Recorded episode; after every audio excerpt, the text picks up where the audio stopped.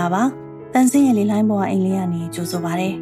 တန်စင်းချစ်ရဲ့တဲ့တို့ဒီနေ့လည်းအခက်အခဲတွေကိုကြော်ဖြတ်ဖို့ခွန်အားရှိကြပါစေလို့ဆုတောင်းလိုက်ပါတယ်ရှင်ချစ်ရဲ့တဲ့တို့ဒီနေ့နိုဝင်ဘာလ9ရက်နေ့ဟာဆိုရင်စစ်တပ်ကမတရားအာဏာသိမ်းထားခဲ့တာ643ရက်ပြည့်တဲ့နေ့ပါအခုချိန်ထိမတရားမှုကိုနှီးမျိုးစုံနဲ့ခုခံတွန်းလှန်နေတဲ့တော်လှန်ရေးမောင်နှမတွေအားလုံးကိုရင်ထဲကနေကျေးဇူးတင်ပါတယ်ချစ်တို့ရေတော်လန်ရေးကာလနှစ်နှစ်နီးပါးကြာလာတဲ့အခုလိုချိန်မှာ စိတ်ရောလူပါပင်ပန်းနေကြပြီပေါ့နော်ဒီနေ့တော့ခဏနားရင်းနဲ့တန်စင်ပြပြတာအောင်နားထောင်နော်တန်စင်ဖတ်ထားတဲ့ချက်လူမျိုးတော်လှန်ရေးသမားစာရေးဆရာ journalist Julius Fuchik ရဲ့သမိုင်းကြောင်းပါအချိန်ကတော့1903ခုနှစ်စောင်းရသည့်အကုန်လောက်ပေါ့နော်နေရာကတော့ Austria Hungary Empire ရဲ့အစိတ်အပိုင်းတစ်ခုအဖြစ်ပဲရှိနေသေးတဲ့ Prague မြို့မှာ Julius Fuchik ကိုမွေးဖွားခဲ့ပါတယ်။ Julius ကိုအခုအချိန်မှာတော်လှန်ရေးသမားတစ်ယောက်အဖြစ်နဲ့လူသိများကြပေမဲ့ သူဟာတကယ်တော့အမှုပညာတီထွင်ဖန်တီးမှုထူးချွန်နေမိသားစုကနေပေါက်ဖွားလာတာပါ။ Julius ရဲ့ဦးလေးကချက်နိုင်ငံကထင်ရှားတဲ့တရေးဆရာတစ်ယောက်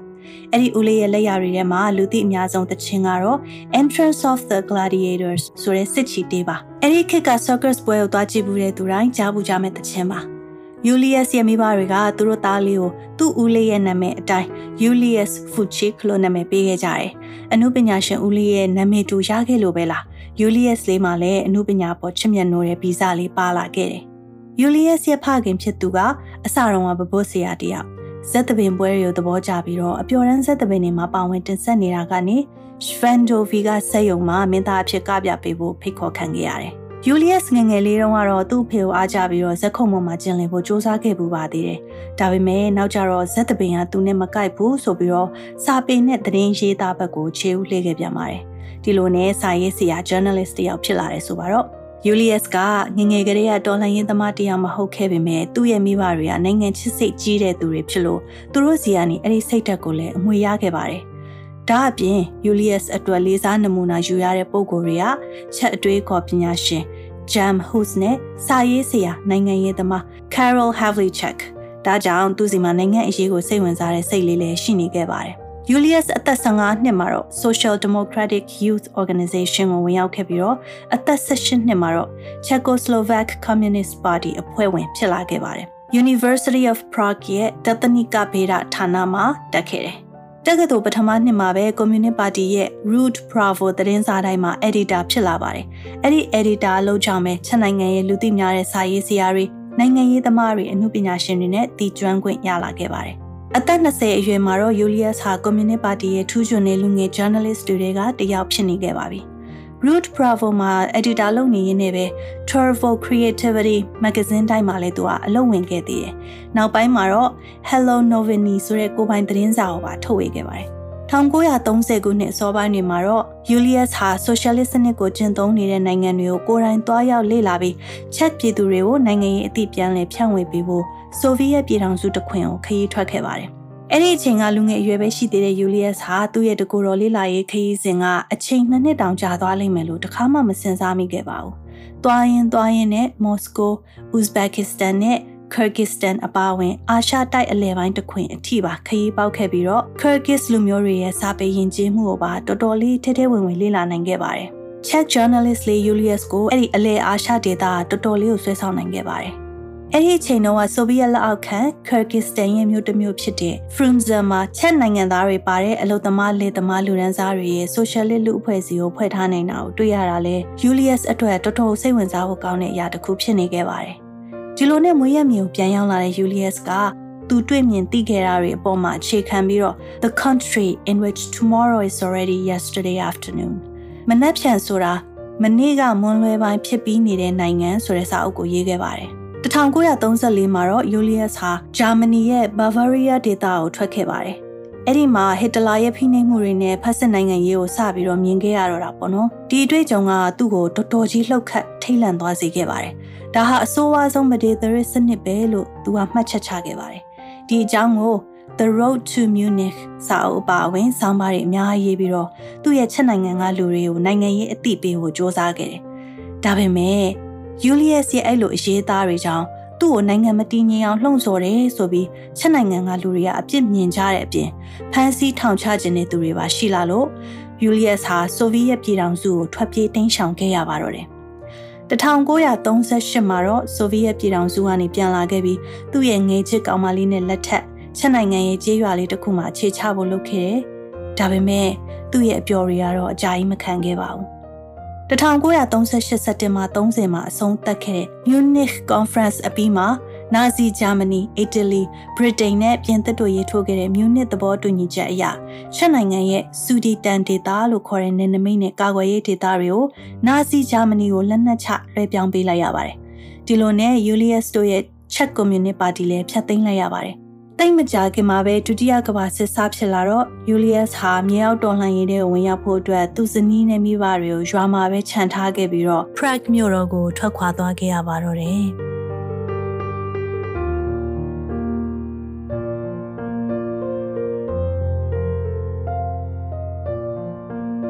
ယူလီယပ်စ်ဟာနာဇီဖက်စစ်တော်လှန်ရေးအတွက်ခိုင်မာတဲ့ရည်တည်ချက်နဲ့ကြာရနေရအနေတော်လှန်ရေးလှုပ်ရှားမှုတွေမှာပါဝင်ခဲ့တယ်။ သူ့ရဲ့မူရင်း journalist အလုပ်ကိုလုပ်ရင်းနဲ့တစ်ဖက်မှာတော့ဖက်စစ်ဆန့်ကျင်ရေးလက်ကမ်းစာဆောင်တွေနဲ့ဆောင်းပါးတွေပါဝင်တဲ့ Root Bravo သတင်းစာကိုပုံမှန်လျှို့ဝှက်ထုတ်ရင်းနဲ့ကလောင်ဓားသွားနဲ့တော်လှန်ခဲ့ပါတယ်။1942မှာတော့ Julius Steyer German Gestapo ရဲတွေရဲ့ဖမ်းဆီးတာကိုခံလိုက်ရပါတယ်။သူ့ကို Prague မြို့ကနေ Frankratz အကျဉ်းထောင်ကိုပို့ခဲ့ပြီးတော့အဲ့ဒီအကျဉ်းထောင်ထဲမှာပဲမိမျိုးစုံနဲ့နှိပ်စက်ညှဉ်းပန်းစစ်ဆေးတော့တာပေါ့ဘလို့အခြေအနေပဲရောက်ရောက် စာရေးဆရာတော်လှန်ရေးသမားပေတာတဲ့ယူလီယပ်စ်ဟာအဲ့ဒီအကြောင်းတွေကိုထောင်ထဲကနေပဲမှတ်တမ်းတင်နိုင်ခဲ့တယ်။ secret ကိုလိတ်ထားတဲ့စက်ကူအပိုင်းစာလေးတွေပေါ်မှာကွန်မြူနစ်စနစ်ရဲ့အနာဂတ်အတွက်သူ့ရဲ့မျှော်လင့်ချက်သူ့ကိုထောင်ထဲမှာညှဉ်းပန်းနှိပ်စက်တဲ့နီးလန်းတွေနောက်ပြီးအဲ့ဒါတွေကိုကြမ်းကြမ်းခံနိုင်အောင်စိတ်သက်ပိုင်းဆိုင်ရာပြင်ဆင်လေ့ကျင့်မှုတွေအကြောင်းကိုရေးထားခဲ့တယ်ပြီးတော့သူ့အပေါ်မှာဂယုဏတက်တဲ့ Kolinsky နဲ့ Hora ဆိုတဲ့ထောင်ဝါဒနှစ်ယောက်ကနေတဆင့်အပြင်ကိုခိုးထုတ်နိုင်ခဲ့တယ်။ အဲ့ဒီမှတ်တမ်းတိုလေးတွေကထောင်တွင်းစိတ်သက်ခိုင်မာအောင်တိဆောက်ပြင်ဆင်ရတဲ့နည်းလမ်းတွေကိုကဘာတဝမ်းကတော်လှန်ရေးတက်ကြွလှုပ်ရှားသူတွေကလေ့လာပြီးတော့အသုံးပြုနိုင်ခဲ့ကြပါတယ်။ထောင်ထဲမှာညှဉ်းပန်းနှိပ်စက်ခံနေရတဲ့ဂျားမာတော်ပြည်သူတွေကိုနိုင်ငံရေးနဲ့စိတ်သက်အသိပညာပေးဖို့အားထုတ်ခဲ့တဲ့ယူလီယပ်စ်ကို1943မေလမှာတော့ဂျာမနီကိုပြောင်းပြီးအကျဉ်းချခဲ့တယ်။နောက်3လအကြာမှာတော့နာဇီတွေကယူလီယပ်စ်ကိုအမြင့်ဆုံးနိုင်ငံတော်ပုံကန့်မှုဆိုတဲ့ပြစ်မှုတက်ပြီးတေတံချပစ်လိုက်ပါတယ်။ ပြီးတော့နှစ်ပတ်အကြာမှာဘာလင်မြို့က Plotzensee အကျဉ်းထောင်ထဲမှာဂျိုးပေးတပ်ဖြတ်ပစ်လိုက်ပါတော့တယ်။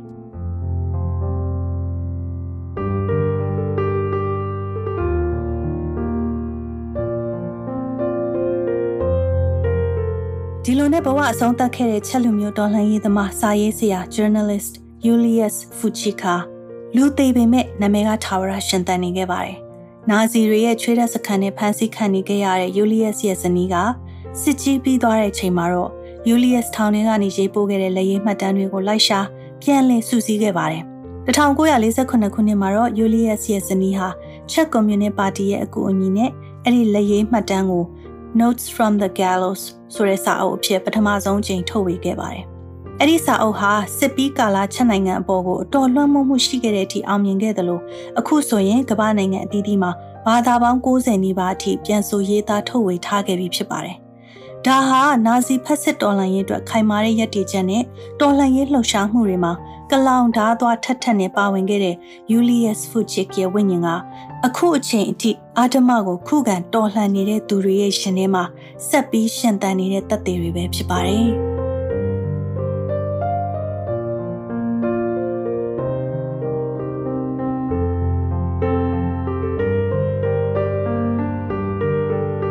ချဲ့တဲ့တို့ကြက်တဲခတ်ခဲမှုနဲ့စကားစဘက်ကချင်းချောက်ဖမ်းဆီးတာတွေကြောင့်တနေ့တခြားကြောက်စိတ်တွေလွှမ်းမိုးခံလာနေရတဲ့ပြည်သူတွေအထူးသဖြင့်မြို့နယ်ပြည်သူတွေလုံလုံခြုံခြုံနဲ့တော်လှန်ရေးဆက်လုပ်နိုင်မယ့်နည်းလမ်းတွေကိုဒေါက်တာဖြိုးတီဟာကတော်လှန်ပြည်သူများဒီ၃ခုလုပ်ပေးပါဆိုတဲ့အတန်အတွက်ဆောင်းပါးလေးဖန်တီးပေးထားပါတယ်အတူတူနားထောင်ကြည့်ရအောင်နော်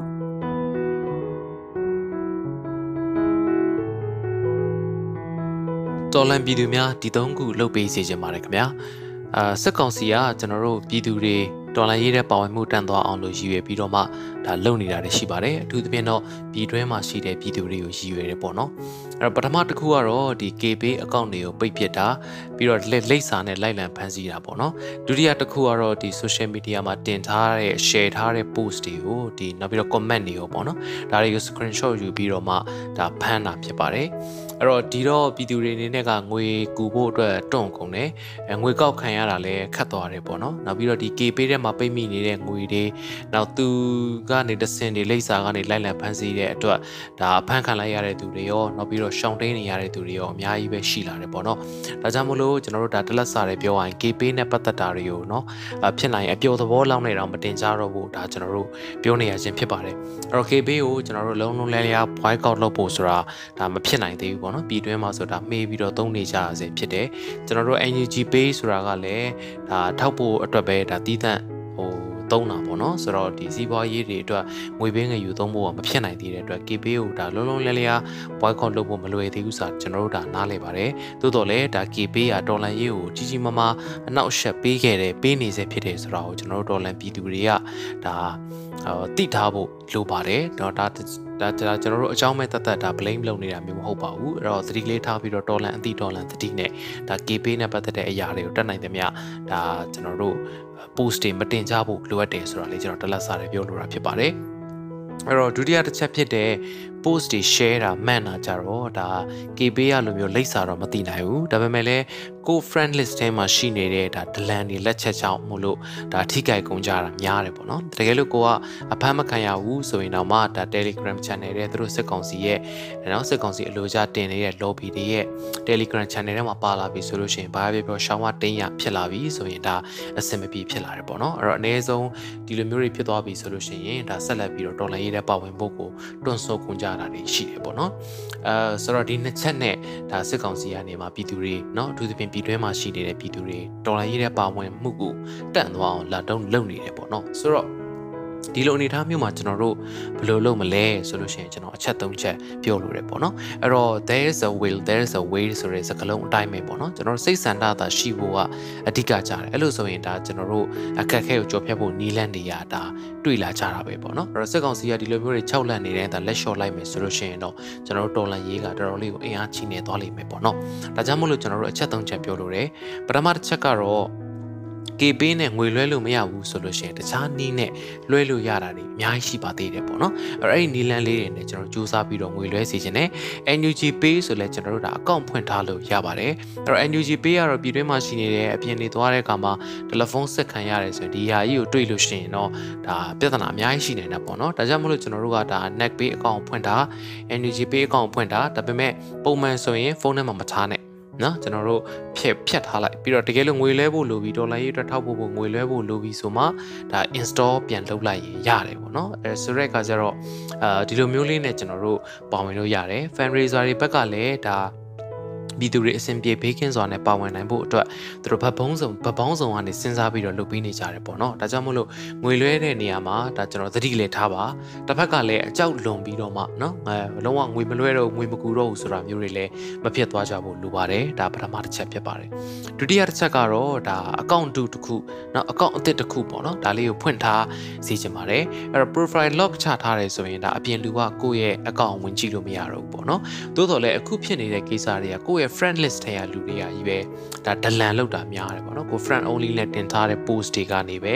အဲပါသွားကြတာများတယ်နော် screenshot တွေမိကုန်ကြတာများတယ်ဆိုတော့ friend list ကလည်းဘလောက်ပဲစစ်ထားစစ်ထားလေနော်ကိုဘသူဘသူကမနာလို့ဖြစ်နေတယ်ဒါတွေက personal ပေါ့နော်ကိုရေးကိုတာအမုန်းညင်ချောင်းလောက်တာတွေလည်းအများကြီးရှိတာပေါ့နော်အဲ့တော့ဘသူကစစ်တက်ထောက်ခံတယ်ဆိုတာလေကျွန်တော်တို့ဒါ post တွေမတင်ဘူးဆိုရင်ကိုကမသိနိုင်ဘူးလေနော်ဆိုတဲ့ခါကျတော့ account အသစ်တစ်ခုဖွင့်ထားလိုက်တာအကောင်းဆုံးပဲပေါ့နော်အဲ့တော့ account အသစ်တစ်ခုဆိုတဲ့နေရာမှာကိုမှန်းမသိနိုင်တဲ့ account ပေါ့နော်အဲ့တော့ကိုစိတ်ချယုံကြည်ရတဲ့သူတွေကိုနဲ့ရင်ပတ်ချင်းတူတဲ့သူတွေဒေါ်လာရေးမိတ်ဆွေတွေပေါ့နော်သူတို့တွေကိုအကျိုးချောင်းပြောပြပြီးတော့အဲ့ဒီ account တင်နဲ့အပ်ထားလို့ရတယ်ပေါ့နော်အပ်ထားလိုက်လို့ရှိရင်ကျွန်တော်တို့ဒါအပြန်လန် mutual friend တွေလည်းရှိသွားမယ်ရှိသွားလို့ရှိရင်အဲ့ဒီ account တွေနဲ့လည်းတခြားကျွန်တော်တို့ဒေါ်လာရေး post တွေမှာ share တာ comment ပေးတာလွတ်လွတ်လပ်လပ်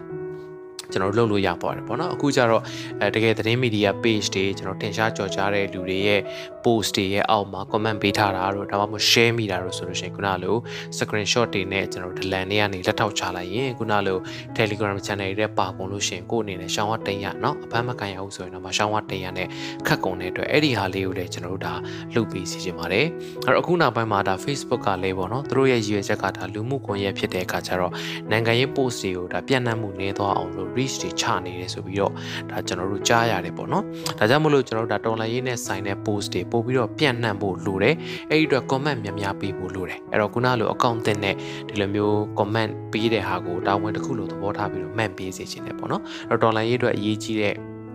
ကျွန်တော်တို့ post တွေပြန်နှံ့ဖို့လိုအပ်တဲ့ post တွေဆိုလို့ရှိရင် comment ပေးတဲ့အလေးအကျင့်လေးမွေးပေးပါအတော်လည်းရင်းနဲ့ဆိုင်တဲ့ account တွေ page တွေကိုဒါကျွန်တော် see first လုပ်ထားပြီးပါပြီးတော့ news feed မှာပေါ်လာမှမဟုတ်ဘဲနဲ့ပေါ့နော်အချိန်ပေးပြီးတော့မှငါဘယ် page လေးတွေဘယ် account တွေတော့ဒါတနေ့တာချင်းစီမှာပုံမှန်ဝင်ကြည့်မယ်ပေါ့နော်မ click to donate ဖြစ်ရင်လည်းဖြစ်မယ်ပေါ့အဲ့တော့ကျွန်တော်တို့အာသတင်း page ဖြစ်ရင်လည်းဖြစ်မယ်ပေါ့တခြားသတင်း media page တွေလည်းဖြစ်ရင်ဖြစ်မယ်ပေါ့နော်ဒါလေးကိုကျွန်တော်တို့ဝင်ကြည့်ပေးပါနောက်ပြီးတော့တော်လည်းရင်းနဲ့ပတ်သက်တဲ့ Telegram channel တွေဆိုလည်း join ထားပေးပါပေါ့နော်ဒါမှသာကျွန်တော်တို့သတင်းတွေအဆက်မပြတ်မှာဖြစ်ပါတယ်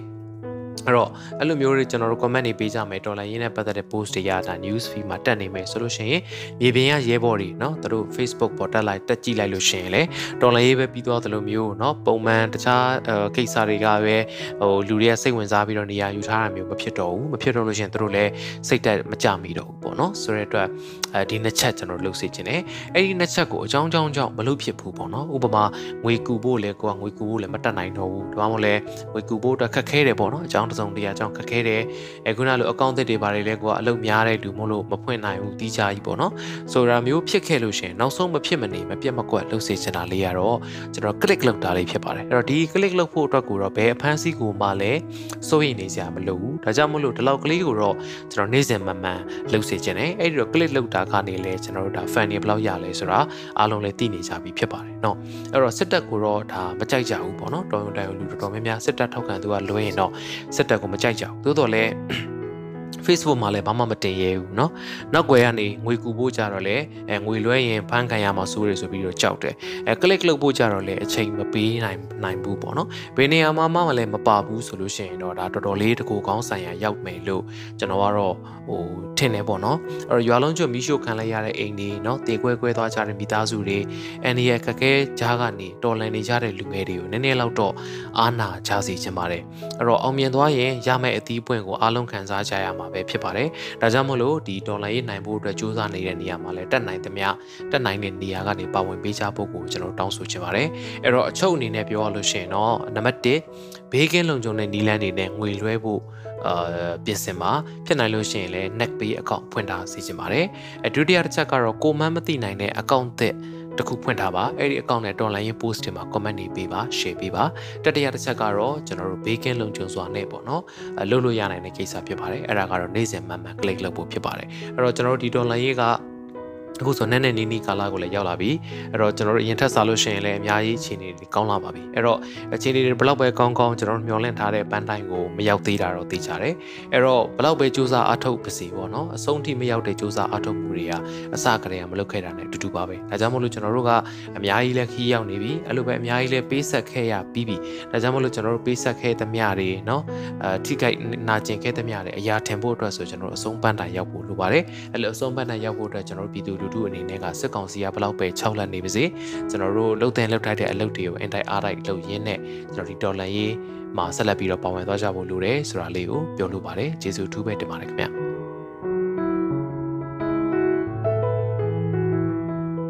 ကဲချစ်တို့တန်စင်ကိုလာလည်ရင်းနဲ့တော်လှန်ရေးအသည့်တွေဆက်လုပ်ရမယ်နီးလန်းတွေနဲ့အင်အားတွေရမယ်လို့မျှော်လင့်ပါတယ်။နောက်ပတ်မှတန်စင်မှာပြန်ဆုံးမယ်နော်။ပြန်မဆုံးနိုင်သေးခင်အာတင်ထားကြမယ်နော်။တတ